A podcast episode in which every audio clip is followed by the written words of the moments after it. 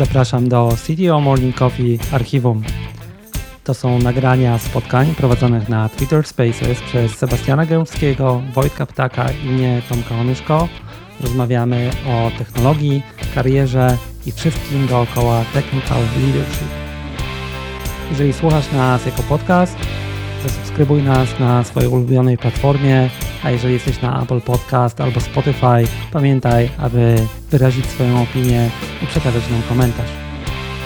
Te nagrania są niecenzurowane, nieedytowane, prezentujemy Ci je tak, jak zostały nagrane. Możesz ten znaleźć na www.ctomorning.coffee i zapisać się na powiadomienia o kolejnych spotkaniach. A teraz po prostu zapraszam.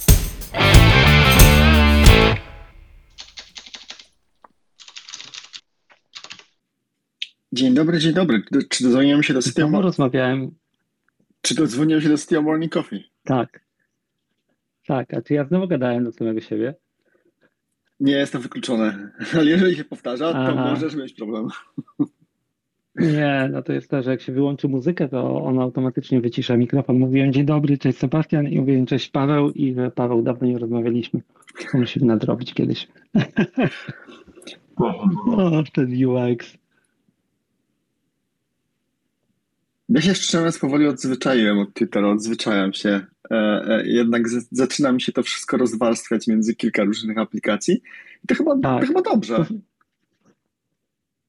To bardzo dobrze, to fakt. Ja też e, złapałem się na tym, że używam różnych aplikacji do różnych rzeczy, nie? Z niektórych całkowicie przestałem, Twitter i tak dalej wygrywa, jeżeli chodzi o taki trochę agregator wiadomości, nie? E, ale tak, no, e, nie, jest, jest, okej według mnie, dobry balans. Wczoraj była bardzo ciekawa dyskusja e, na Blue Sky. Kamil Fournier ruszyła taki temat, że dyskusje na Twitterze robią się coraz mniej merytoryczne. Jest jednak zbyt dużo botów, jest zbyt dużo, zbyt duży śmietnik. I na przykład Zależy chyba, które. Ale wiesz, to była dyskusja taka mocno inżynieryjna, w takim kręgu dosyć To tak. wąskim, czyli właśnie engineering leadership i tam rzuciła kilka kontrowersyjnych test, żeby po prostu zobaczyć, czy będzie z tego fajny reverb, czy będzie z tego fajna dyskusja. I nie było. może, może to pech, natomiast ona ma duże zasięgi, więc to teoretycznie, jeżeli komuś się musiało, miało udać, to jej. Tym niemniej, właśnie, bo co, startujemy kolejny odcinek. Dzisiaj porozmawiamy sobie o raportach, analizach, zewnętrznych źródłach informacji, z których może korzystać albo i nie nasz senior technical leader, czyli na przykład CTO. To jest taki hint, bardzo fajny odcinek, żeby samemu zabrać głos, bo być może wy macie swoje inne przepisy, może macie swoje inne źródła informacji, więc zapraszamy wszystkich do dyskusji. A skoro dyskusji mowa, może parę słów na temat konwencji naszych spotkań, bo być może ktoś dołącza po raz pierwszy. Więc w telegraficznym skrócie spotykamy się na godzinę, rozmawiamy w konkretnym temacie. E, mikrofon jest generalnie dostępny dla wszystkich, natomiast jest kilka osób moderujących, więc trzeba podnieść tak zwaną łapkę. Korzystając z funkcjonalności Twittera, ta funkcjonalność, żeby zabrać głos, jest dostępna tylko i wyłącznie w wersji mobilnej, więc jeżeli korzystacie przez przeglądarkę, to niestety możecie tylko słuchać, więc zachęcamy do przełączenia się na wersję mobilną aplikacji Twitter, żeby zabrać samemu również głos. E, tak, podnosicie łapkę, my możemy nie zauważyć, więc wy uparcie podnosicie dalej, my wtedy postaramy się was zauważyć. E, komentujcie, dawajcie swoje pytania, również odnoście się do tego, co powiedziała inna osoba. To ma być dla nas wszystkich, to ma być fajna dyskusja. E, czego nie robimy podczas tych naszych spotkań? No żadnych toksycznych komentarzy. Jeżeli krytykujemy, to krytykujemy ogólnie zachowania, e, krytykujemy pewne postawy, a nie osoby czy nawet firmy, bo tu jakby zupełnie nie o to chodzi. Ewentualnie można użyć samokrytykę. O tak, jeżeli ktoś bardzo lubi, ale to też tak z umiarem, z umiarem. A z innych Nie. ciekawych rzeczy to mamy naszego landing page'a cdmorning.coffee. Dlaczego o tym wspominamy? Bo na przykład tam można się zapisać na powiadomienia. Dostajecie powiadomienie, wtedy nie przegapicie odcinka. By the way, czy przed tym odcinkiem wyszło powiadomienie? Nie pamiętam. To jest bardzo y, touchy subject. e, No dobrze. tak, E, Technologia, technologia zawiodła. Ale generalnie człowiek można... zawiódł, zawiódł, ale tak. A, ale generalnie można liczyć na powiadomienia, ale tam na cityomorning.coffee jest jeszcze parę innych fajnych rzeczy. Między innymi jest link do naszego podcastu. E, Podcast jest e, archiwum naszych odcinków. My tam te odcinki wrzucamy z jakimś opóźnieniem, ale taki hint, hint, niespodzianka, już niedługo zaczną się tam pojawiać jeszcze inne nowe, ciekawe rzeczy. I to już bardzo niedługo. Dobra, chyba wyczerpałem temat, opowiedziałem wszystko, co powinniście wiedzieć na starcie. Chyba że czymś zapomniałem, ale to jest dobry moment, żeby mi o tym przypomnieć. Nie zapomniałeś, masz to już dobrze opracowane, więc może generalnie e, let's hit it off. Mam Tak. to wryte w EPROM, już niektórzy by powiedzieli. Wiem, tak, dobrze, dobrze. E, Dobrze, dzisiaj rozmawiamy o takim temacie e, wakacyjnym e, trochę, znaczy nie, nie wakacyjnym, myślałem, że więcej ludzi w ogóle będzie na, już tam z palmą i tak dalej. Raporty, analizy, z czego korzysta CTO. No właśnie, jak jesteśmy w swoich bąbelkach, e, znaczy wszyscy tam też pracujemy chwilę na rynku, to wiemy, że są firmy, które wypuszczają różnego rodzaju raporty. Mamy firmy, które te raporty robią komercyjnie, mamy firmy, które zrobiły z nich swój trademark, mamy takie rzeczy jak na przykład właśnie raporty różnych portali i tak dalej. No jak się w tym odnaleźć, nie? Czyli czy CTO powinien z tego korzystać, nie powinien z tego korzystać? Wojtek, chyba musisz poprawić mikrofon trochę. Tak ci tylko powiem. Sorry, że ci tak zgasiłem, ale cię nie słychać. Tak, słyszymy dźwięk, ale nie da się rozróżnić słów. Tak. No to może Sebastian, zacznijmy od ciebie. E, korzystasz, Spoko. nie korzystasz? E, ludzie w engineering powinni korzystać, a jeżeli tak, to z czego i jak?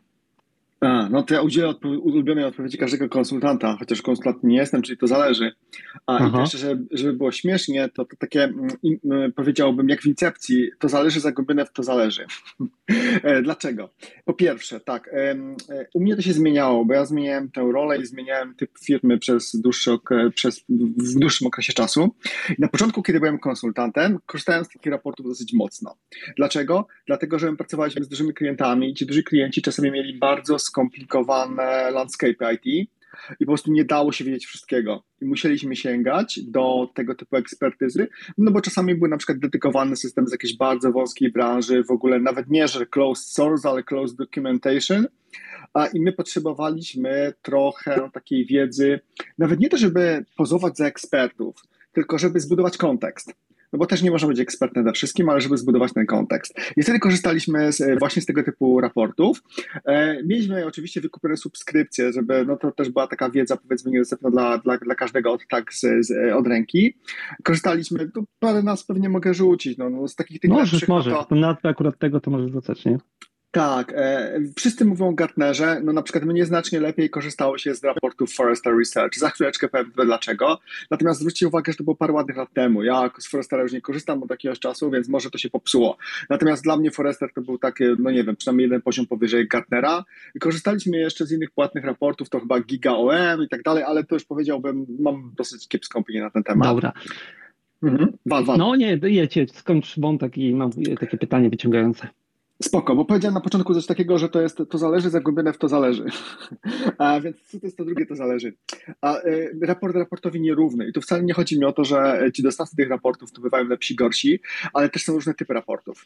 Ja bym wyróżnił takie trzy, pewnie za chwileczkę parę dopowiecie, ale są raporty analityków poświęcone konkretnemu tematowi i one po- polegają trochę na by- byciu trochę dziennikarzem śledczym.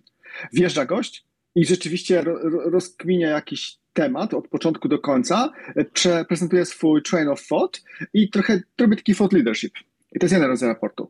Drugi rodzaj raportu to jest, że jest jakaś firma, która się czymś zajmuje i ma dostęp do jakichś danych i teraz ym, efektem ubocznym dostępu do tych danych może, może z tego być na przykład fajna statystyka, fajne spojrzenie na rynek. No i nie wiem, firmy, które robią observability, czy GitHub, który ma dostęp do no, dużej ilości kodów tych, na, tym, na tej planecie, e, one są w stanie tego typu raporty wygenerować. No zresztą nawet ten nasz Stack Overflow uh, survey, Mhm. o którym pewnie dzisiaj będziemy mówić, to też jest z takiego raportu, że e, firma ma dostęp do dużego community, więc wykorzystuje to do tego, żeby zabrać dane z tego community. To jest zupełnie, Mhm. jakby dla mnie zupełnie inny rodzaj raportu niż raport analityka. Więc jeszcze trzeci inny rodzaj raportu, ja to nie wiem, może nazwę to raportem abstrakcyjnym. I to jest coś takiego, że firma w oparciu o to, że ma jakiś tam ten trust basis już, e, to ona robi jakąś na przykład pełną analizę rynku, wbija to w jakiś abstrakcyjny mental model typu Magic Quadrant czy, czy Hype Cycle, a i daje po prostu swoje, swój point of view, który czasami bywa bardzo mocno subiektywny, a natomiast też czasami może być taki fajny, żeby mieć taki punkt startowy, żeby na przykład, nie wiem, coś zacząć analizować głębiej. Więc jak widzicie, to są tak jakby na przykład te przykłady, to są trzy różne rodzaje raportów i teraz ja mam do każdego z nich trochę inny stosunek, w sensie mniej lub bardziej chętnie z nich korzystam, ale też mam do nich zupełnie inne reguły filtracji. I tyle, bo tak się trochę rozgadałem, ale chciałem ten swój taką Nie, perspektywę nie, dobrze, zarysować. to e, właśnie o to cię trochę pociągnę, bo to wiesz, jest, e, bo powiedziałeś, że jako konsultanci używaliście tego, ja też używałem w różnych kontekstach, nie, ale e, to powiedz, używaliście tego właśnie bardziej, żeby zorientować siebie, na przykład w branży, której nie wiecie, albo wypełnić dziury, a czy bardziej tego, żeby pokazać klientowi, jakie są alternatywy, E, czy na przykład, bo to jest według mnie trzeci taki pattern, do tego, żeby kogoś przekonać albo powiedzieć mu, słuchaj, to są alternatywy, na inne nie patrz, bo one cię gdzieś tam kopią w większy dołek. Budując autorytet. Czyli czy internal, y, mówię, zorientowanie się, czy bardziej do przekonania klienta. Wojtek, coś się dodać jeszcze? Tak, no w, bo do tej trzeciej opcji bardzo często konsultanci budują autorytet w oparciu też o raporty, prawda, i o nazwy raportów. To też bardzo często się zdarza. Mm, mm. To okej, okay, no, odpowiadając, na pytanie, ja chyba byłem trochę mniej patologicznym konsultantem. Dlaczego patologicznym? Dla mnie, do tego dojdziemy. E, dlatego, że dla mnie te raporty mm, czasami były mm, fajnym zidentyfikowaniem unknown unknowns, czy trochę jak zacząć, mm -hmm. nie?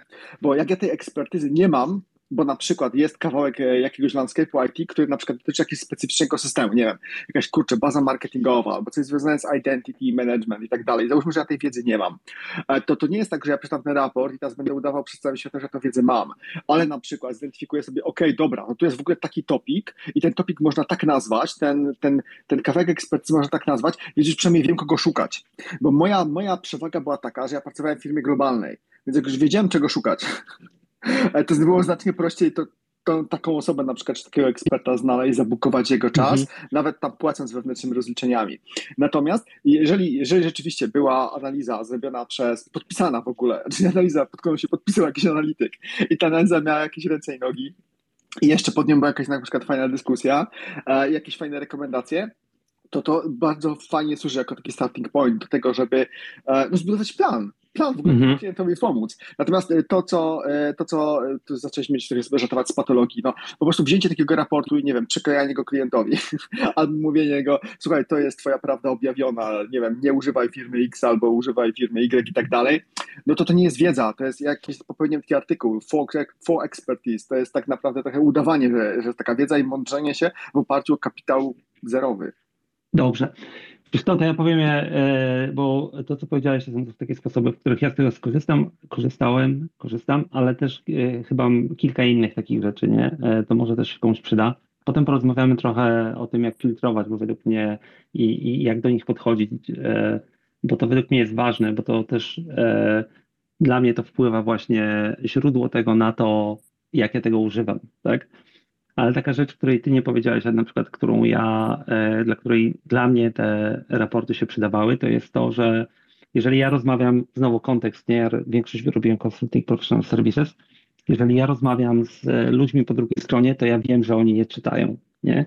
Więc to jest też budowanie point of reference, nie? Czyli e, ja wiem, dlaczego na przykład będę miał pytanie o to, albo co będzie w tym, e, jakie będą na przykład zapytania w tym roku, i dlaczego powinienem wiedzieć, co tam się dzieje, nie?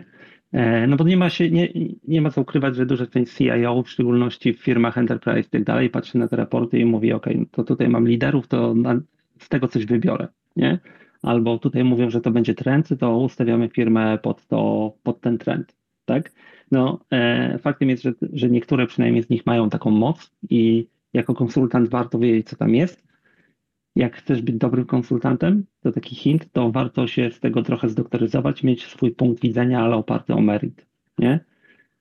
A druga rzecz, z której e, tylko, z której w jakiś sposób ja z tego korzystałem e, w różnych momentach czasu, to jest trochę to, co ty powiedziałeś, fill the gap, nie? Czyli ja pracuję w jakiejś części i potem wychodzi raport, e, nie wspomnieliśmy je, ale tam na przykład jest taki jest technology radar czy coś podobnego, I ja tam patrzę po to, żeby wyjąć rzeczy, o których nie słyszałem. Nie? Czyli na przykład jest coś, o czym ja po prostu dotąd nie słyszałem i wtedy sobie patrzę przynajmniej, co to jest. Więc dla mnie to jest też takie uzupełnianie wiedzy.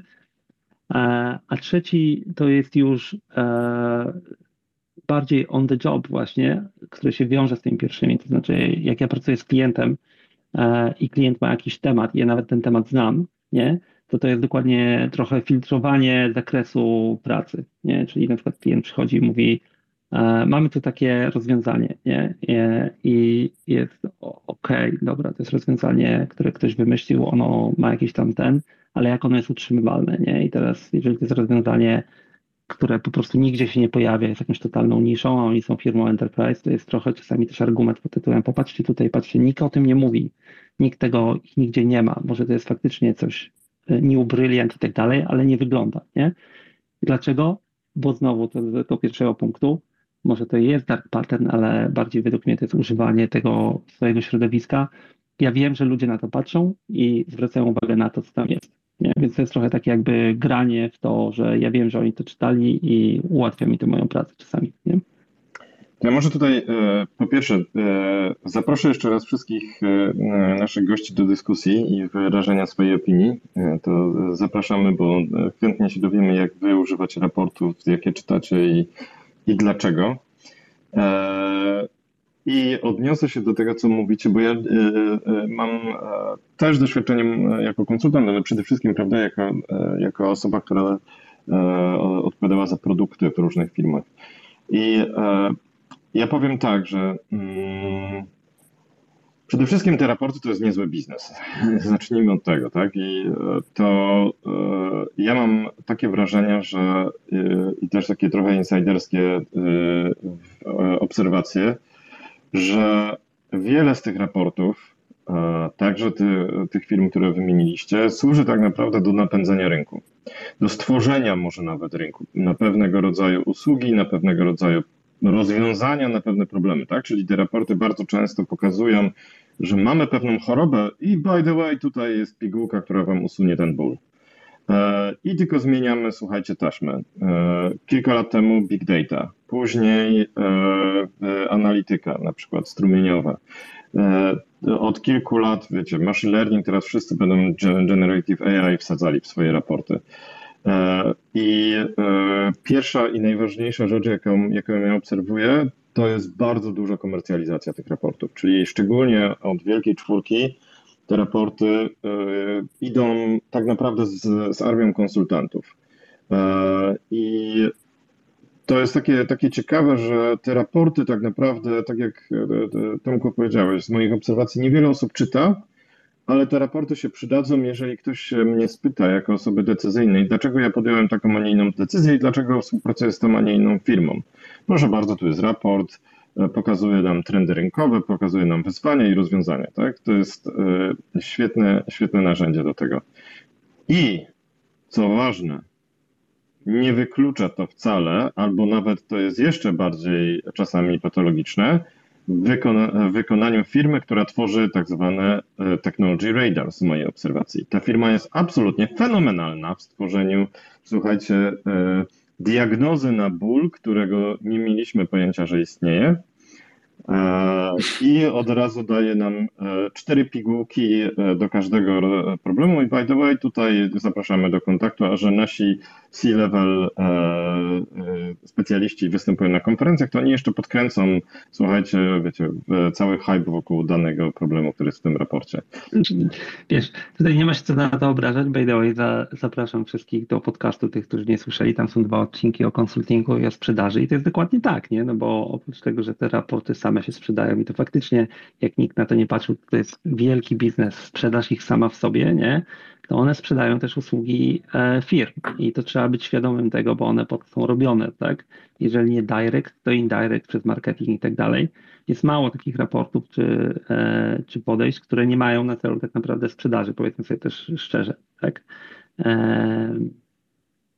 E, no. Ja powiedział, że tutaj jeszcze warto zwrócić uwagę na to, że kiedyś to pewne magiczne nazwy E, firm raportów, a były uniwersalne. W sensie dla wszystkich był ten efekt wow, wszyscy czekali, chcieli zobaczyć, przeczytać. Teraz też tak nie wygląda. Jest duże rozwarstwienie i o ile jeszcze klienci enterprise, firmy enterprise patrzą na te raporty czasami z takim właśnie nabożnym szacunkiem, to już startupy mają je w głębokim poważaniu. Albo jeżeli patrzą na jakieś raporty czy analizy, to już patrzą na zupełnie inne rodzaje analiz. E, co więcej, już też e, zmieniły się opinie odnośnie wiarygodności tych firm generujących raporty, bo jednak kiedyś to ta wiarygodność była no trochę jak z tymi dużymi brandami konsultingowymi, nie? A teraz to wcale nie jest tak, że te firmy e, nie są w stanie przeoczyć trendu. No, są pewne trendy, które są związane z hypami, no Gen AI, które trudno byłoby przeoczyć, nie wiem, w jakiejś dziurze trzeba by się było zaszyć. A mogę, Wal, mogę wejść z pytaniem? E, a dlaczego, znaczy, bo ja mam odpowiedź na pytanie, ale wolę najpierw Twoją usłyszeć. A dlaczego według Ciebie nastąpił taki shift, taka zmiana? Wiesz co? Myślę, że dlatego, że po prostu rynek urósł, no i pojawiły się znaczące różnice między tym, jak firmy coś robią. Mhm. No są firmy, które po prostu mają tą dużą inercję, mają inne podejście do ryzyka e, i też mają trochę inną świadomość tego rozwoju technologicznego i też mają inną, inne, inną chęć do adopcji nowości, wiesz, no że są early adopters, ale też jest jakieś tam to late majority, są laggards, więc oni mają inne potrzeby, korzystają z innych źródeł informacji, i, bo inny message jest dla nich wiarygodny to ja mam trochę inną, inny swój prywatny punkt widzenia na to. E, zmniejszyła się nierówność informacji, nie? Czyli kiedyś, bo to jest trochę tak jak z certyfikacjami, nie? E, kiedyś te raporty były potrzebne, bo to był ten nośnik informacji, nie? Bo e, internet internetem, ilość informacji była różna, ale wiesz, miałeś nośnik informacji, który przenosił informacje o rozwiązaniach i tak dalej pomiędzy różnymi firmami. I to były te kilka raportów, które się wszędzie pojawiały. Nie? Teraz informacja jest bardziej do, powszechna, ludzie się więcej wymieniają swoimi opiniami, są różne fora też prywatne, bo ustalmy, nie? że e, CXO, różnego typu osoby mają prywatne fora, na których wymieniają się już direct informacjami też. I dlatego ten według mnie shift nastąpił, ale to taki side topic. Ja to może, wiesz, tak, może powiedziałeś, to usłyszeć twoją opinię. Może budując na tym Tomek, co ty powiedziałeś, to może też nastąpił shift y, właśnie osób, które korzystają z tych raportów, czyli, czyli CXO to są też już może inne pokolenie, a y, taka hipoteza, wiesz, inaczej konsumujące informacje, inaczej, inaczej y, załatwiający dostęp do tych informacji, tak? Bo faktycznie ja mam wrażenie, że tak jak mówisz, te raporty 15-10 lat temu to, to było takie skała, na której mogłeś budować naprawdę czasami całe firmy, tak? E, teraz już myślę, że nie jestem przekonany, czy tak łatwo by to się udało e, zrobić. Natomiast ja mam jeszcze jeden taki punkt i ciekawostkę. Nie wymieniając nazwy, ale raport, który każdy z nas w jakimś e, momencie kariery na pewno czytał i cytował i nawet zachęcał. Ja mogę powiedzieć, że w dwóch firmach miałem kilka kontaktów z tej firmy, dokładnie z wyceną, gdzie i ile kosztuje wymienienie na której stronie i dlaczego e, i co mi to, co mi to da. E, co też pokazuje wprost, e, że te raporty są, to też już nie jest dostęp do wiedzy, tak? To jest tak naprawdę kto więcej zapłaci i to jest w pewnym sensie dla firm jedno z narzędzi PR-owych i kosztu uzyskania przychodu przyszłego tak naprawdę. True, ale to już jest e, trochę nas przenosi do następnego tematu, e, no bo jeżeli mówimy o raportach różnego rodzaju, e, opracowaniach i tak dalej, które są e, pod tym kątem tworzone, czyli pod kątem tego, żeby albo osoby decyzyjne, zakupowe, albo osoby podejmujące decyzje o technologii je czytały, no to mamy komercyjne i niekomercyjne, tak? E, komercyjne no to są właśnie duże firmy konsultingowe, mają ustalone brandy, wypuszczają sobie raport. Ten raport jest, obrazek z niego jest za darmo, cała reszta jest kupowana. E, bo by the way, dla tych, którzy nie wiedzą, jeżeli jakiś vendor publikuje jakiś raport publicznie, to znaczy zapłacił za niego, za prawo publikacji go, więc firma, która zrobiła ten raport, tak czy inaczej zarabia. Są e, powiedzmy niekomercyjne, czyli niekomercyjne wprost, czyli na przykład właśnie ten czy Stack Overflow, czy e, różnego rodzaju podobne opracowania na podstawie danych. Dlaczego mówię niekomercyjne? Bo nie płacimy za nie. E, komercyjne są, bo one służą do generowania jakiegoś tam demand. Więc pytanie, e, źródła komercyjne, niekomercyjne, macie coś, za co warto płacić? Nie mówię na konkretną rzecz, ale wartość, która w tym jest. Sebastian? A właśnie, czy tak, ja zacznę od tego, co powiedziałeś właśnie, że mam trochę rozszerzoną definicję komercyjnego. Czyli komercyjny to nie jest tylko ten, za który płacę, ale komercyjny to jest też ten, gdzie widzę, że ktoś e, wypuścił raport, gdzie jest mocno vested mm -hmm. in. Czyli tak naprawdę ten raport służy jako swego rodzaju benchmarket. No tak. Pokazanie, tak. jacy jesteśmy zarąbiści, albo, albo promowanie swoich klientów. To dla mnie to też podpada pod komercję, to od razu nie, to, to, to, żeby było jasne, to nie mamy różnej definicji, tak? To, to dokładnie do tego służy. Ja chciałem, żeby przybrzmiało, tak. dokładnie. Chciałem, żeby przybrzmiało. Tak, tak. Dobra. A, I teraz tak, e, znaczy ja mam wykupione subskrypcje komercyjne, przy czym ja nie ja za nie płacę, tylko akurat mój pracodawca. I to czasami się powiedzmy przydaje, ale głównie przy właśnie podpieraniu się danych, nie? Bo no, ja akurat pracuję w firmie, która jest mocno data-driven. Jak coś nie jest podparte danymi, to po prostu nie ma dyskusji, a więc czasami się trzeba tymi danymi podeprzeć i to jest też jakiś rodzaj źródła. E, ogólnie sam prywatnie płacę za różne rzeczy, a to jest w ogóle też ciekawy temat i tam będę, będę pewnie artykuł na temat pisał. Weźmiemy ten temat na, osobną, e, na osobny temat wakacyjny, za co płacimy i tak dalej. True.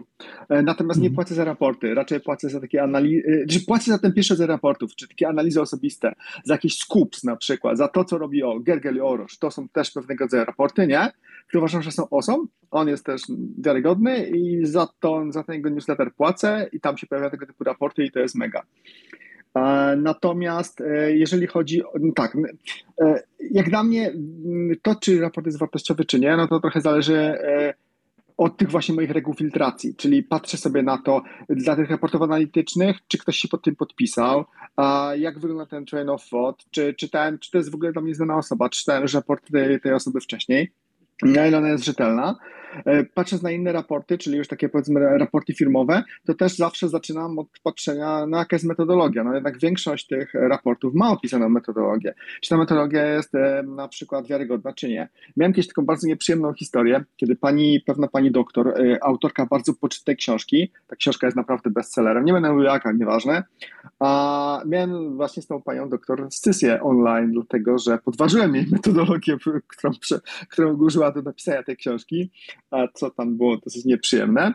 A natomiast od tego zaczynam. To jest uważam bardzo krytyczne, że to, to, to bardziej determinuje wartość raportu niż to, czy jest komercyjny, czy nie jest niekomercyjny. Natomiast no właśnie raporty takie, gdzie nie ma źródła danych, nie ma metodologii i jeszcze jest jakieś takie shady połączenia pomiędzy twórcą raportu a, a powiedzmy potencjalnymi źródłami danych, albo jest użyty bardzo abstrakcyjny mental model, typu, że są jakieś grafy, na których nie ma żadnych jednostek, nawet na osiach i tak dalej, no to mm, wtedy to nie, nie ma znaczenia, czy komercyjnie, czy nie, to w ogóle odfiltrowuje i do widzenia. Dobra. E, no to też zależy od tej definicji komercyjnej, niekomercyjnej. To ja powiem, jak ja na to patrzę, jak ja tego używam. E, to znaczy tak, ja przyznam szczerze w tej chwili, i to da się zobaczyć na różnych moich wypowiedziach, jestem e, mocno krytyczny do takich raportów komercyjnych, które mają, znaczy nawet nie komercyjnych, płatnych, ale komercyjnych w rozumieniu, kto je wypuszcza, które właśnie mają definiować trendy i tak dalej, czyli wiesz, ktoś tam przewiduje rynek, że będzie taki taki, za 5 lat i wszyscy zaczynają się masować tym headlinem, e, no to ja generalnie z tego nie widzę w tym żadnej wartości, szczerze powiem. Nie? To jest tylko wartość pod tytułem to będzie pchane na rynku i tyle. E, także czasami nawet tam nie zaglądam, czasami to przejrzę. Płatne e, w życiu zawodowym, wiesz co, znalazłem taką niszę, że czasami są małe firmy produkujące takie raporty komercyjnie, które się skupiają na pojedynczej rzeczy nie? I dla mnie wtedy to jest fajna rzecz, bo ja wiem, że właśnie to, co powiedziałeś o metodologii, że e, oni biorą każdą rzecz, którą mają i obrabiają tak samo, nie? Więc to jest też tak, że jak ja wezmę wtedy dwa rozwiązania od nich i albo rozwiązanie, znaczy, bo tam akurat te firmy mają przeważnie jakieś takie zestawienie, nie? I w tym zestawieniu jest e, a, jakieś tam samary rynku, cokolwiek, trendy i tak dalej, a potem mają szczegółowe raporty o konkretnych rozwiązaniach. I to jest komercyjne. Ja też wiem, że vendorzy w tym biorą udział i tam, wiesz, podsypują e, e, benzin coiny, użyję, sorry, e, ale, e, ale tam jest metodologia, tak jak mówisz, i ja wiem, jakie będą tam punkty, czego się z tego dowiem, nie? I wtedy nie mam problemu z zapłaceniem za to, bo e, to jest dla mnie skrót do jakiegoś tam, ja i tak wiem, że będę musiał na to nałożyć filtr, ale jest to skrót, ktoś wykonał za mnie ten summary, tak?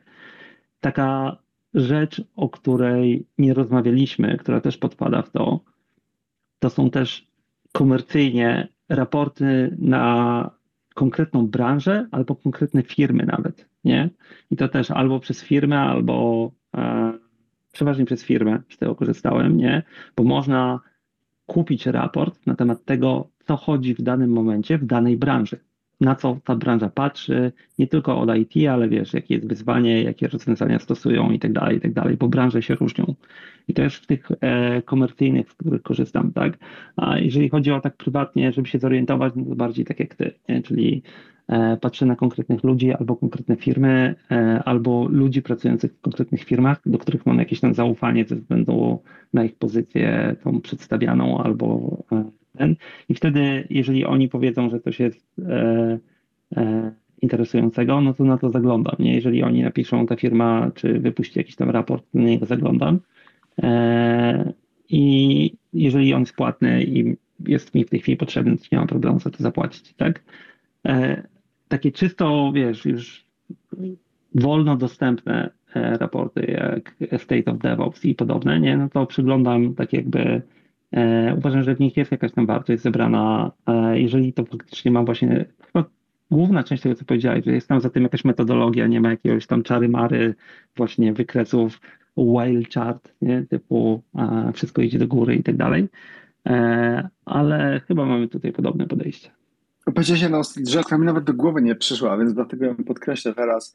E, powiedziałeś coś takiego, że masz sceptyczny stosunek do tych raportów, tak delikatnie mówiąc, do tych raportów, które coś starają się przewidywać. Wiesz, no, totalnie właśnie nie przyjmę do głowy, w ogóle takie raporty totalnie odfiltrowuję od razu, bo w różnie sposób. No tak, ale... E, ale zdaję sobie sprawę, że duża część ludzi jednak je czyta, e, propaguje i to się, bo to jest na zasadzie e, spełnienia przepowiedni, którą się samemu głosi, nie? Więc one jednak tak, wpływają ale... na rynek dookoła nas ale one mają śmieciową wartość. Zresztą często my w naszych dyskusjach, też takich już prywatnych, też sobie tam e, żartujemy sobie z tego, jak, jak zacząć rozliczać te raporty i ich sprawdzalność, bo z tą sprawdzalnością to wygląda na to, że jest generalnie mizernie. Nie mają w ogóle spra- wyniki rozliczać sprawdzalności, to jest ich główna wada, nie? To, to jest ten... No ja dobrze, ale to sprowadza na... No. Miałem zupełnie inny bias na to, dlatego że ja pracowałem no. też w firmie dosyć krótko, bo przez rok, która właśnie zajmowała się generowaniem raportów i takim dostarczaniem wiedzy, ale to właśnie nigdy nie były predykcje, albo prawie nigdy nie były to żadne predykcje, tylko to było patrzenie na dane historyczne i rzeczywiście wyciąganie takich prawdziwych insightów. To tak ale to właśnie te, na, na marginesie. Te, tak, ale to właśnie te firmy, które, które dostarczają, ja mam kilka takich niszowych, jeżeli ze względu na branżę i tak dalej, które dostarczają właśnie informacji na specyficzny rynek, to one nie bawią się w wymyślanie. To jest dokładnie opisanie stanu teraz E, i na przykład wiesz, tego, co jest dostępne albo używane i potem konkretnie jaki jest stan teraz, nie? To nie jest wymyślanie, że teraz czy AI coś tam zrobi, czy nie. Nie, to jest bardzo konkretna wiedza usystematyzowana w jakiś tam szablon, nie? E, I po prostu wiesz, czego się spodziewasz.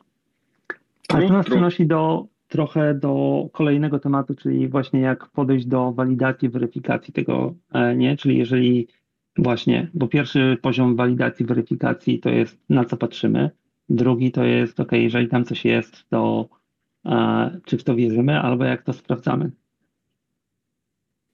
No to ja już w sumie trochę powiedziałem odnośnie tego. By the way, wszystkich zapraszam do dyskusji, także przypominamy, jeżeli chcecie, podnoście łapkę, zapraszamy do wymieniania się swoimi tutaj poglądami. Nie, nie wierzę, że nikt nie przeczytał żadnego raportu.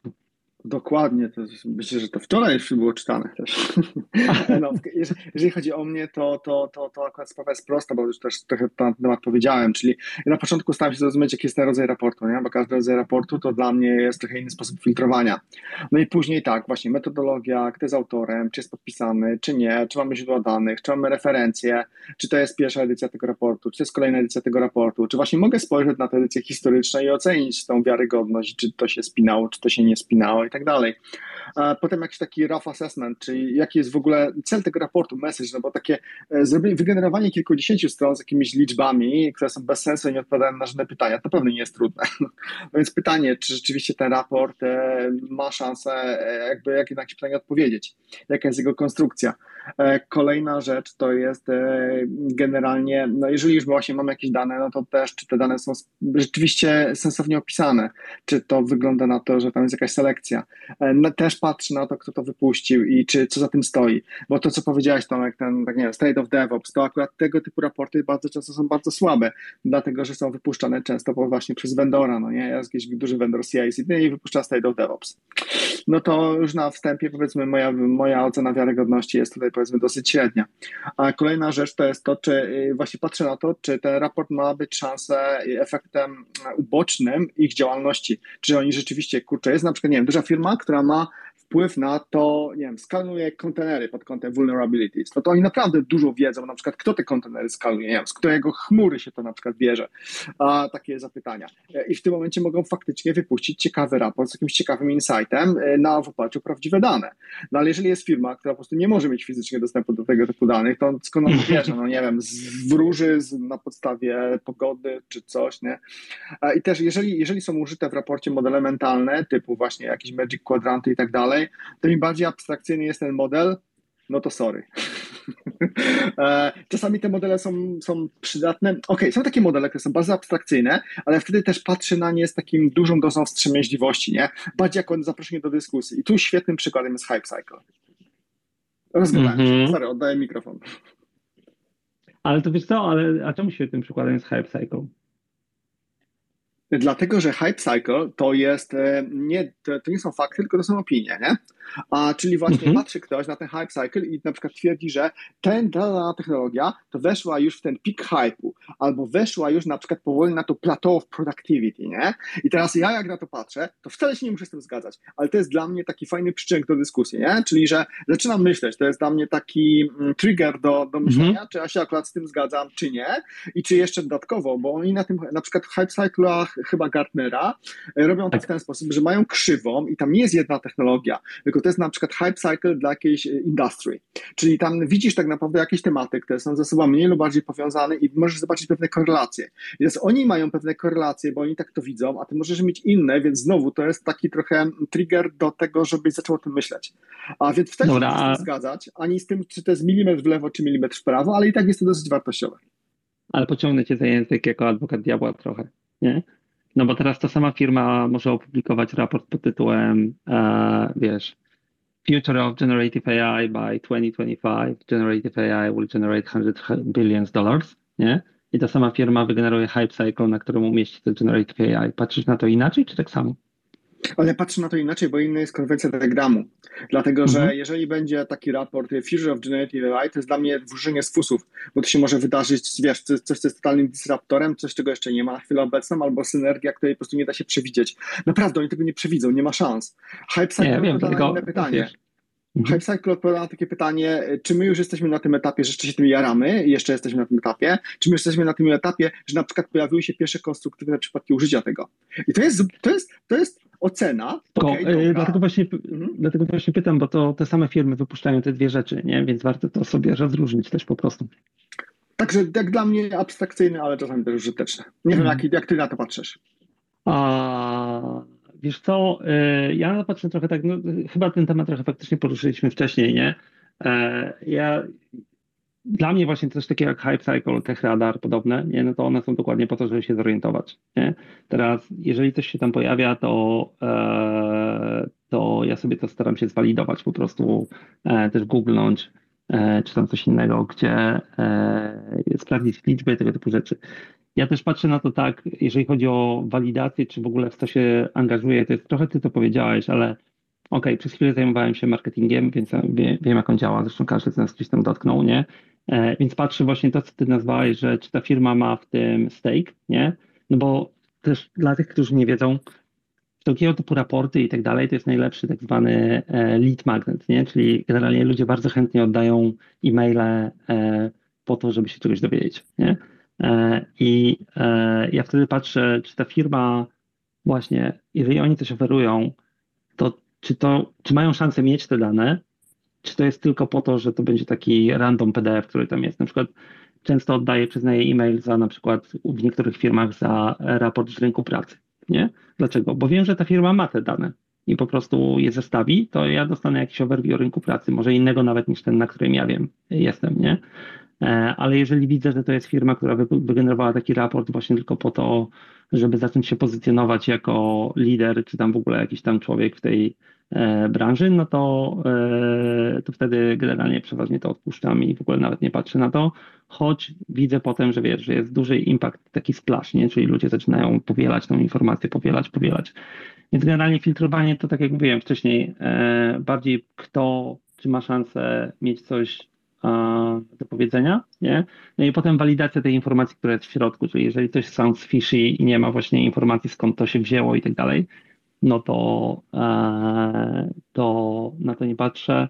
Na przykład przyszła mi do głowy jedna rzecz, o której wcześniej nie mówiłem, bo e, no okej, okay, ja pracuję też z Microsoftem jako vendorem i na przykład oni w specyficznych branżach jako vendor e, publikują raporty, które oczywiście boostują rozwiązania tego vendora, ale tak czy inaczej są wartościowe, nie? Na przykład security to jest bardzo dobry przykład, gdzie Microsoft ma dużo do powiedzenia. Dlaczego? No bo znowu się sprowadzamy do tego, nie? Że oni mają makabryczną ilość danych, i pokazują trendy w tych danych. I e, wtedy warto to przejrzeć, nawet jeżeli celem tego raportu jest tak naprawdę sprzedanie więcej licencji czy coś takiego, nie?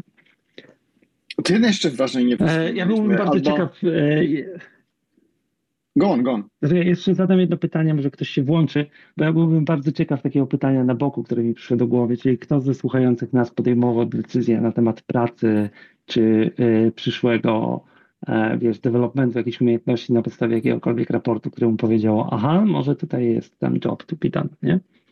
A jak macie coś do powiedzenia, to po prostu podnieście łapkę, dołączymy was. Ja myślę, że mm, wiesz, tutaj do tego, co powiedziałeś, to y, warto mieć potwierdzenie, tak jak to mówił Sebastian, że to, co wybraliśmy, jest faktycznie, wchodzi na przykład i y, jest w tym pierwszym cyklu, tak? Czyli to, co, to, to, co Sebastian, ty mówiłeś, to Myślę, że warto mieć takie potwierdzenie, czy widzimy takie trendy na rynku. Oczywiście wtedy warto jest sięgnąć po odpowiedniej jakości raporty, a nie tam pierwszy lepszy raport stworzony przez małego jakiegoś vendora, jakiegoś danego rozwiązania. Mm, coś, natomiast ja widzę też czasami antypattern, że e, wiecie, są osoby, które budują markę osobistą na tworzeniu kontentu, E, I zauważyłem, że e, sporo osób buduje swoją markę osobistą w oparciu o tworzenie kontentu na temat tego, co jest tam właśnie w tym, e, tym kwadrancie, Innovation Trigger, tak? czy tym w pierwszym etapie tych, tego na przykład hype cycle. I zarzucają nas kontentem na temat tego, co tam, co tam będzie, prawda, za, za rok, za dwa, za pięć. Więc taki antypattern też niestety widzę. Sebastian. Oj, to dodam dwie rzeczy, bo jedna, jedna mi się nasunęła super fajnie, że powiedziałeś właśnie e, o tym, bo jedna mi się nasunęła, że jest pewien rodzaj pseudoraportów, których jest pełno, ale ja ich nawet nie traktuję jako raporty i przestrzegam przed nimi. E, I mówię o e, właśnie wszelkiego rodzaju, wszelkiej maści artykułach typu najlepsze 10 książek do nauki AML, albo nie, najlepsze to jest, 10 dobra, zapomnijmy, to, to jest... Nie.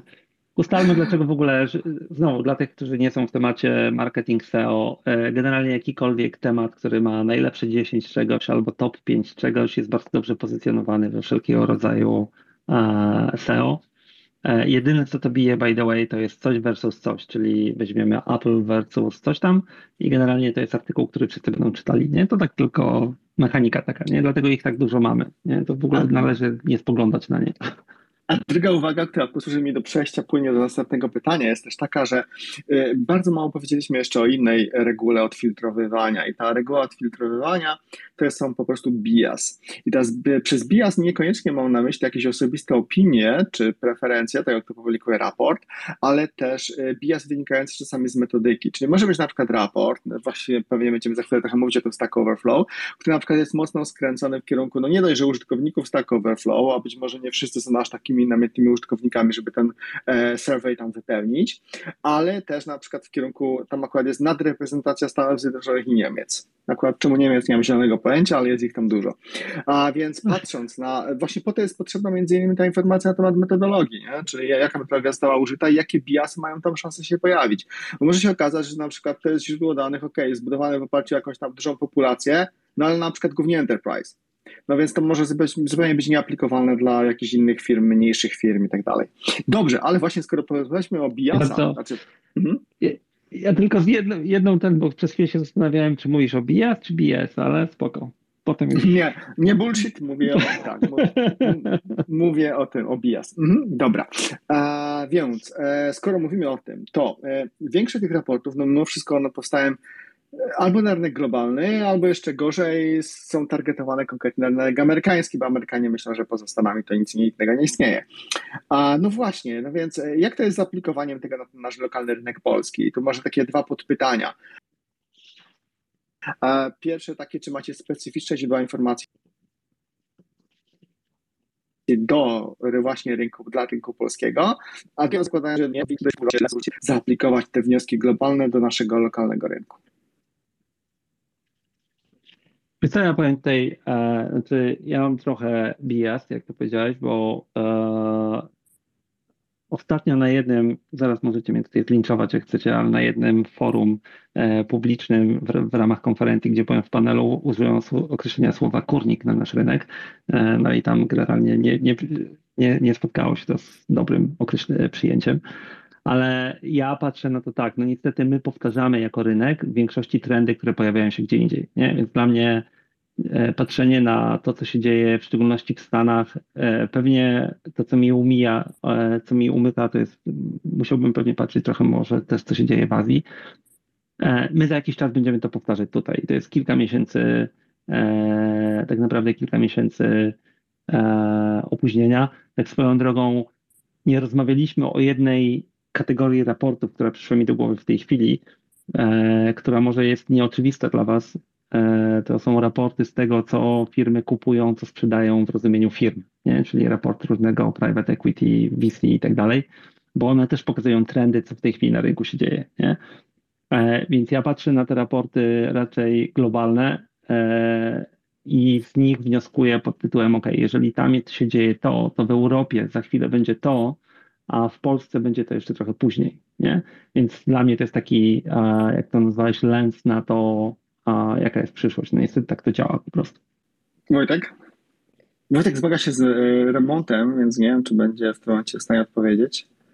E, ja, ja powiem, jak to wygląda z mojej perspektywy w międzyczasie i też zapraszam wszystkich do dyskusji, więc podnoście łapki. A, więc e, tak, jeżeli chodzi o mnie, to ja jestem pogodzony z tym, że takich raportów w Polsce tak nie za bardzo uświadczymy. Z jednym wyjątkiem, o którym wspomniał Tomek. Nie sobie to porównać.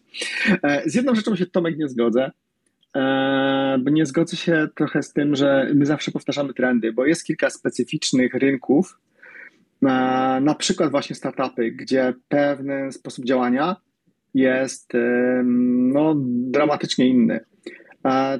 Jednak nacisk na przykład na growth, który jest w Krzymowej Dolinie, E, versus nacisk na no, taką jednak profitability, które jest gdzieś tam w naszym polskim DNA, no, powoduje, że czasami e, to wygląda, jeżeli chodzi o w ogóle sam cykl inwestycyjny, jeżeli chodzi o, o, e, o priorytety takiego startupu na początku, to wygląda to, to dosyć mocno inaczej. Natomiast tu niestety no, trzeba aplikować jakby tą swoją ekspertyzę, trzeba aplikować swoją wiedzę, no i pogodzić się z tym, że takich super fajnych źródeł od, pochodzących od jakichś w miarę niezależnych autorytetów u nas na tym lokalnym rynku po prostu nie ma. E, wiesz co, to tutaj zaparkujmy ten jeden punkt. Może powinniśmy poszukać dobrego gościa, gości, żeby porozmawiać o tym, co właśnie powiedziałeś, bo to te startupy faktycznie u nas mają inne podejście, a moja obserwacja jest mocno z zwanego sideline, bo ja nie jestem w żadnym startupie, ale nie jestem pewien. Według mnie akurat, znaczy moja biased opinion jest taka, że właśnie im, że tam, że w startupach dopiero powtarzamy trendy, nie? E, no ale okej, okay, to zostawimy tę dyskusję tutaj. No dobrze, zostało nam 12 minut. E, to może przejdźmy, porozmawiajmy właśnie, dajmy taki use case, e, bo ja wiem akurat, że ty, Sebastian, przeczytałeś, przeanalizowałeś sobie na przykład taki Stack Overflow Developer Survey, nie? To porozmawiajmy o konkretnym raporcie, jak na niego patrzymy. Czyli jeżeli ty patrzysz na to, tak, czyli masz taki raport, który jest wypuszczony powiedzmy niekomercyjnie, znaczy nie jest płatny, jest wypuszczony na podstawie konkretnego źródła, jest to kolejny gdzieś tam z rzędu, to dlaczego w ogóle po niego sięgasz i co, na co w nim patrzysz? Mm -hmm. To jest dobry przykład. E, bo generalnie bardzo wiele osób już widziało ten raport wcześniej, przynajmniej w jakiejś edycji. Zazwyczaj ludzie patrzą na ten raport jako trochę taki benchmark popularności języków programowania. To ich najbardziej interesuje. Czyli ja na przykład jestem zainteresowany w jakimś niszowym języku, no jak ten język radzi sobie w tym danym konkretnym roku i żeby pokazać kolegom, że o, zobaczcie, rośniemy. Jedna dziesiąta procenta w przeciągu ostatnich pięciu lat. Ja patrzę na to troszeczkę inaczej. Tak, no pierwsza rzecz, tak wspomniałem wcześniej, no jednak patrzę na tę metodologię, patrzę na tą na tą populację, czyli jak wiele osób odpowiedziało. No i prawda jest taka, że w stosunku do ilości Stack Overflow, to tam ta ilość tych respondentów jest, jest mała, no bo to jest kilkadziesiąt tysięcy, a więc z, tu, z tą reprezentatywnością mamy tu duży znak zapytania.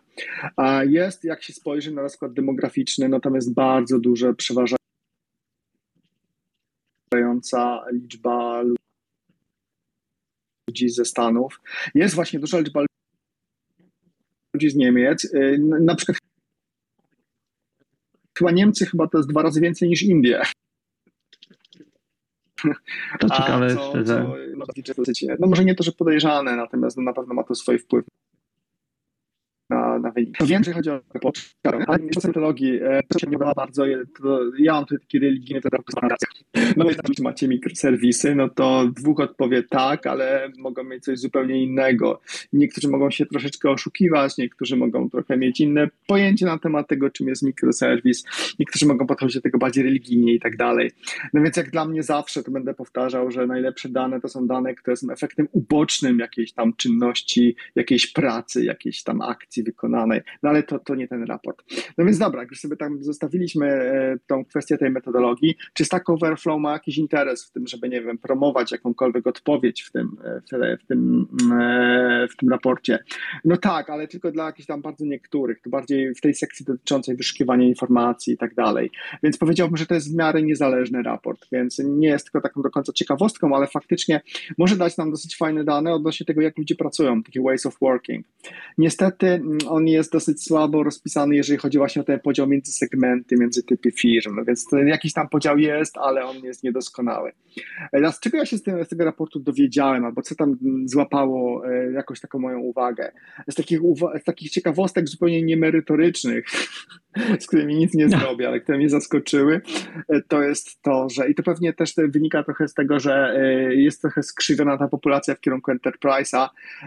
Z narzędzi tak zwanych synchronicznych do pracy, to tam strasznie mocno jest narzędzie Atlassiana. Czy tam Jira, Confluence, jeszcze Trello, które tam zostało wykupione swego czasu przez Atlassiana. Ale to cię zdziwiło? No, tak, bo wiesz co, ja interesowałem, ja ogólnie interesuję się productivity, ale nie tylko w formacie takim osobistym, ale też firmowym. I e, mam dobre rozeznanie odnośnie tego, jakie narzędzia są i jaka jest bariera wejścia i co one dodatkowo dają. Ja też uczestniczyłem w wielu różnych firmach, w różnych takich migracjach, przejściach. Znam trochę paterny takich migracji przejść, nie jest to aż takie trudne i, i też widziałem, jaki jest tego gain. A kiedy tak patrzę i widzę, że jednak ta Jira i Confluence zamiata tym rynkiem, i tam, tam y, ilość firm, które korzystają z, z tego staku atlasjanowego, to już nawet nie jest 50%, to jest znacznie więcej niż te 50%. Ale to... to jestem zaskoczony. Ale warto tutaj dodać no jedną rzecz, e, Sebastian, bo e, ja też ten raport czytałem, tam jest do tego, co mówisz, to faktycznie jest prawda, że ludzie używają tego staku, ale jest też ta, ta część admired, tak? czyli te powiedzmy osoby, które chciałyby używać czegoś innego. I akurat tam e, stack Atlassiana no, wypada co najmniej grubo poniżej e, jakiejś tam mediany. I faktycznie te narzędzia, które ludzie chcieliby używać, to są narzędzia, które są znane z wysokiej produktywności, tak? Czyli czy wspomagające wysoką produktywność. No, ja czy powiem, trudna miłość? Tutaj akurat, że ja powiem, że tutaj tak. to mnie nie dziwi akurat. E, I tutaj jest trochę to, co Sebastian mówiłeś wcześniej, że jest właśnie e, bias tego, skąd są odpowiedzi, nie? A dlaczego mnie to nie dziwi akurat ta część, bo ja po prostu pracując z firmami, e, głównie enterprise, e, ja wiem, jakie jest, jakie jest użycie tych narzędzi Jira Confluence, nie? I też swoją drogą mam jakąś tam teorię, dlaczego tak jest, oprócz dobrej sprzedaży. Ale więc dla mnie to w ogóle nie jest zaskoczenie tutaj, nie? To znaczy ta rzeczywistość, którą ja widzę, to Jira Confluence, to tam po prostu ryje rynek e, w firmach takich typu enterprise, komercyjnych i tak dalej, nie? Z takich jeszcze anegdotek, w które nie chcę się wgłębiać, po prostu tak, bo osobiście mnie za, zaskoczyło, to bardzo mocny standing MongoDB. To jest jak dla mnie taka baza, która w sumie nie ma zalet, ale jest i taka ogólnie tak all around dokumentówka daje radę, ale ona tam stoi naprawdę bardzo mocno.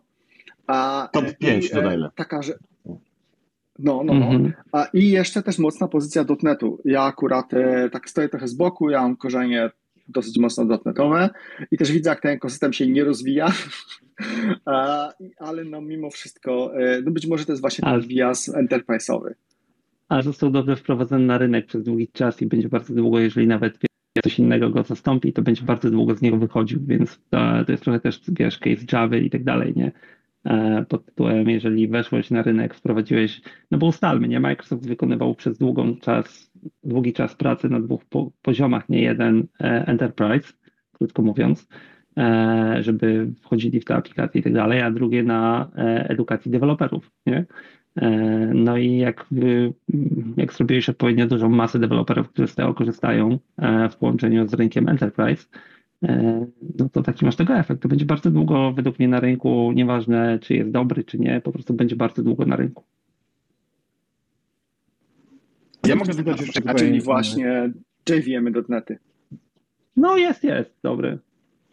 E, ja mogę tutaj dodać, że mm, dla mnie ciekawostką były też języki programowania, bo oczywiście tam JavaScript na pierwszym miejscu, ale już wcale nie w ogóle e, jeżeli chodzi o to, kto chce z nim pracować, czyli tak naprawdę tam jest dosyć, e, dosyć niska ilość w porównaniu do pozostałych języków. Niezwykła popularność TypeScriptu, Rasta i Elixira. E, więc, Ale to jest taka deklarowana, wiesz? Deklarowana, że chciałbym, tak, chcieliby chciałbym, to robić. Chciał, chciałbym, tak. I jeszcze jedna rzecz, która mnie na pewno zaskoczyła w tym raporcie, to mm, niesamowita popularność Postgresa. E, to jest jednak baza, która e, pamiętajmy, że ona nie, za nią nie stoi żadna firma, w przeciwieństwie do wielu pozostałych, które są tam. E, w tym rankingu. Jest pełni open source'owa, e, więc to jest taka ciekawostka dla mnie. I ona faktycznie e, no, pozamiatała konkurencję. Tak? Drugie miejsce ma praktycznie połowę mniej osób, które z niej aktywnie korzystają. Oczywiście biorę pod uwagę ten bias, o którym mówisz, Sebastian, że specyficzne osoby odpowiedziały, więc jestem ciekaw, czy faktycznie ten Postgres jest aż tak używany, no ale przy 75 tysiącach respondentów mówi to o jakimś obrazie E, popularności, e, popularności tego. E, z drugiej strony bardzo ciekawe dla mnie było to, że jeżeli mówimy o, o bazach danych, czy tam systemów do przetwarzania danych, no, na przykład stosunkowo niska popularność Snowflake'a, przy tym ile ja go widzę, wiecie, tak atakującego praktycznie z lodówki. Więc to było dla mnie bardzo ciekawe. E, e, I tutaj dam kropkę, bo Kuba, ty się dołączyłeś do nas, więc. E, Kuba, dołączyłeś do nas, więc zapraszamy. Cześć, słuchajcie, trochę się zbliżamy do końca. Ja może wrócę jeszcze tak ogólnie do właśnie tematu raportów i analizy i analiz. Mm, ja osobiście korzystałem z raportów takich właśnie rynku pracy, gdzieś tam, gdzie przygotowywałem się do jakichś rozmów odnośnie wynagrodzenia i szukałem jakichś benchmarków. Mm, natomiast interesuje mnie nie jestem konsultantem, nie jestem CTO. Które z raportów, które z analiz, które, z których właśnie korzystacie, myślicie, że byłyby przydatne do takiego daily właśnie mm, pracy dla osób, które są no, jeszcze, nie na tych, jeszcze nie na tych stanowiskach, a, a chcą wyciągać jakieś e, fajne informacje, które też do tej pory takimi raportami albo analizami z e, rynku raczej się, no nie wiem, nie, nie interesowały, ale chcą, chcą zacząć. Zapadła cisza. Sebastian, Wojtek, jakieś bety? No właśnie, e, myślę, bo tutaj jest e, e, sporo i tu bardzo zależy, jakbyś mógł dodać jeszcze do, trochę więcej do swojego pytania, to byłoby, byłoby na pewno łatwiej odpowiedzieć. Więc Kuba, jeszcze jakbyś mógł dodać trochę kontekstu do tego pytania. Znaczy, interesują mnie właśnie jakieś takie mm, no nie wiem, jakieś takie raporty, które będą może niekoniecznie pomagały w podejmowaniu strategicznych decyzji, ale dawały może większą świadomość e, tego, co się dzieje na rynku, żeby mm, potem też móc w jakikolwiek sposób tę wiedzę wykorzystać. E, czy w momencie, gdy przygotowujemy się do, do roli liderów e, technicznych w firmie, żeby już gdzieś tam szukać źródeł informacji, które mogą być później też przydatne. To jest bardzo ciekawy i duży temat. Ja myślę, że tak jak e, szczególnie Sebastian tutaj opowiadał, e, opieranie się o te raporty na pewno pomaga e, i daje ci pewien obraz, daje ci jakiś confirmation bias, tak? To trzeba pamiętać, że to jest confirmation bias. I pewnie na pytanie czynię też na inny odcinek, ale Warto też, jeżeli chcesz podejmować decyzje na przykład o pewne technologie, o pewne rozwiązania, o pewne sposoby rozwiązywania e, problemów na przykład produktowych, to paradoksalnie ja bym niekoniecznie patrzył na, na raporty i paradoksalnie nie patrzyłbym na ludzi, którzy mają jakiś bardzo silny brand w, w, w, danej w danym temacie, tylko zrobiłbym sobie porządną analizę firm, które wiem, że dobrze umieją w to. Te firmy bardzo często są e, stosunkowo ciche i nie reklamują się, ale możesz zobaczyć, kto tam pracuje, w jakich technologiach pracuje, jakich, na jakie stanowiska mają otwarcia, na jakie, wiesz, czego wymagają od kandydatów, jak wygląda proces rekrutacji. To ci też może dużo powiedzieć na temat kultury wewnątrz firmy, może ci powiedzieć narzędzia, które są używane, więc myślę, że też mocno bym się wspierał, czy nawet ja sam osobiście tak robię, że wspierałbym się takim własnym researchem. Sebastian?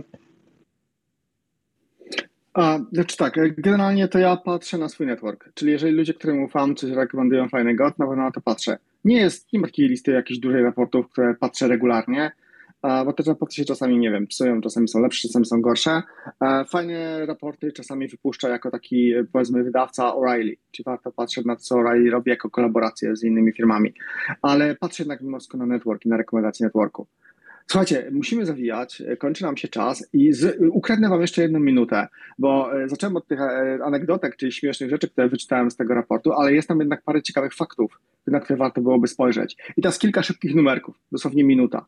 To, co mi się bardzo spodobało, to jest tam kawałek raportu w Stack Overflow na temat remoteness, a, czyli jest pokazanie, jak dużo osób pracuje w modelu hybrydowym, remote albo on-site. I z takich zaskoczeń, to może zaskoczeniem są nie same liczby, czyli to, że w hybrydzie jest 42%, w remote 41%, E, ale to, co mnie zaskoczyło, to jest to, że mniejsze organizacje, bo tam jest taki breakdown, więcej preferują on-site. Czy zwłaszcza te najmniejsze, tam gdzie albo są na jakimś wczesnym etapie rozwoju, albo jest e, powiedzmy drżenie pewności produktu, wygląda na to, że one właśnie preferują tą taką bezpośrednią kolaborację. To mnie trochę zaskoczyło. Oczywiście wyjątek to są individual entrepreneurs, którzy pracują, konsultanci pracują jednoosobowo, tam to wygląda trochę inaczej. A druga rzecz, która jest była bardzo ciekawa, taki, taki fakt, to jest to, y, inżynierowie, jaki mają wpływ na podejmowanie decyzji technicznych. I tam wyszło 41% trochę wpływu, 24% dużo wpływu. To tylko udowadnia, że jednak mimo wszystko często C-level executives nie narzucają tych technologii, tylko dają duży wpływ na decyzje zakupowe swoim ludziom. To jest też uważam bardzo ciekawe. To, co jest też ciekawe, to jest sposób wybierania nowych narzędzi. Zwróćcie uwagę, rzućcie sobie okiem na ten raport, już nie będę dawał tych wszystkich numerów, e, numerków. W każdym razie chciałem tylko zwrócić uwagę na dysproporcję, że aż 73% ludzi przy podejmowaniu takiej decyzji robi trial, czyli testuje te narzędzia w praktyce, 71% ludzi pyta w swoim bezpośrednim networku, 64% ludzi w online communities, a tylko i wyłącznie 15% w ogóle patrzy na to, co im zostało w jakimś stopniu zareklamowane, a 6% ludzi podejmuje decyzje sprzedażowe w oparciu o jakieś activity ludzi sprzedażowych. Czyli jaki z tego wniosek? Produktów online'owych nie sprzedaje się jak ziemniaków, tylko sprzedaje się je w zupełnie inny sposób.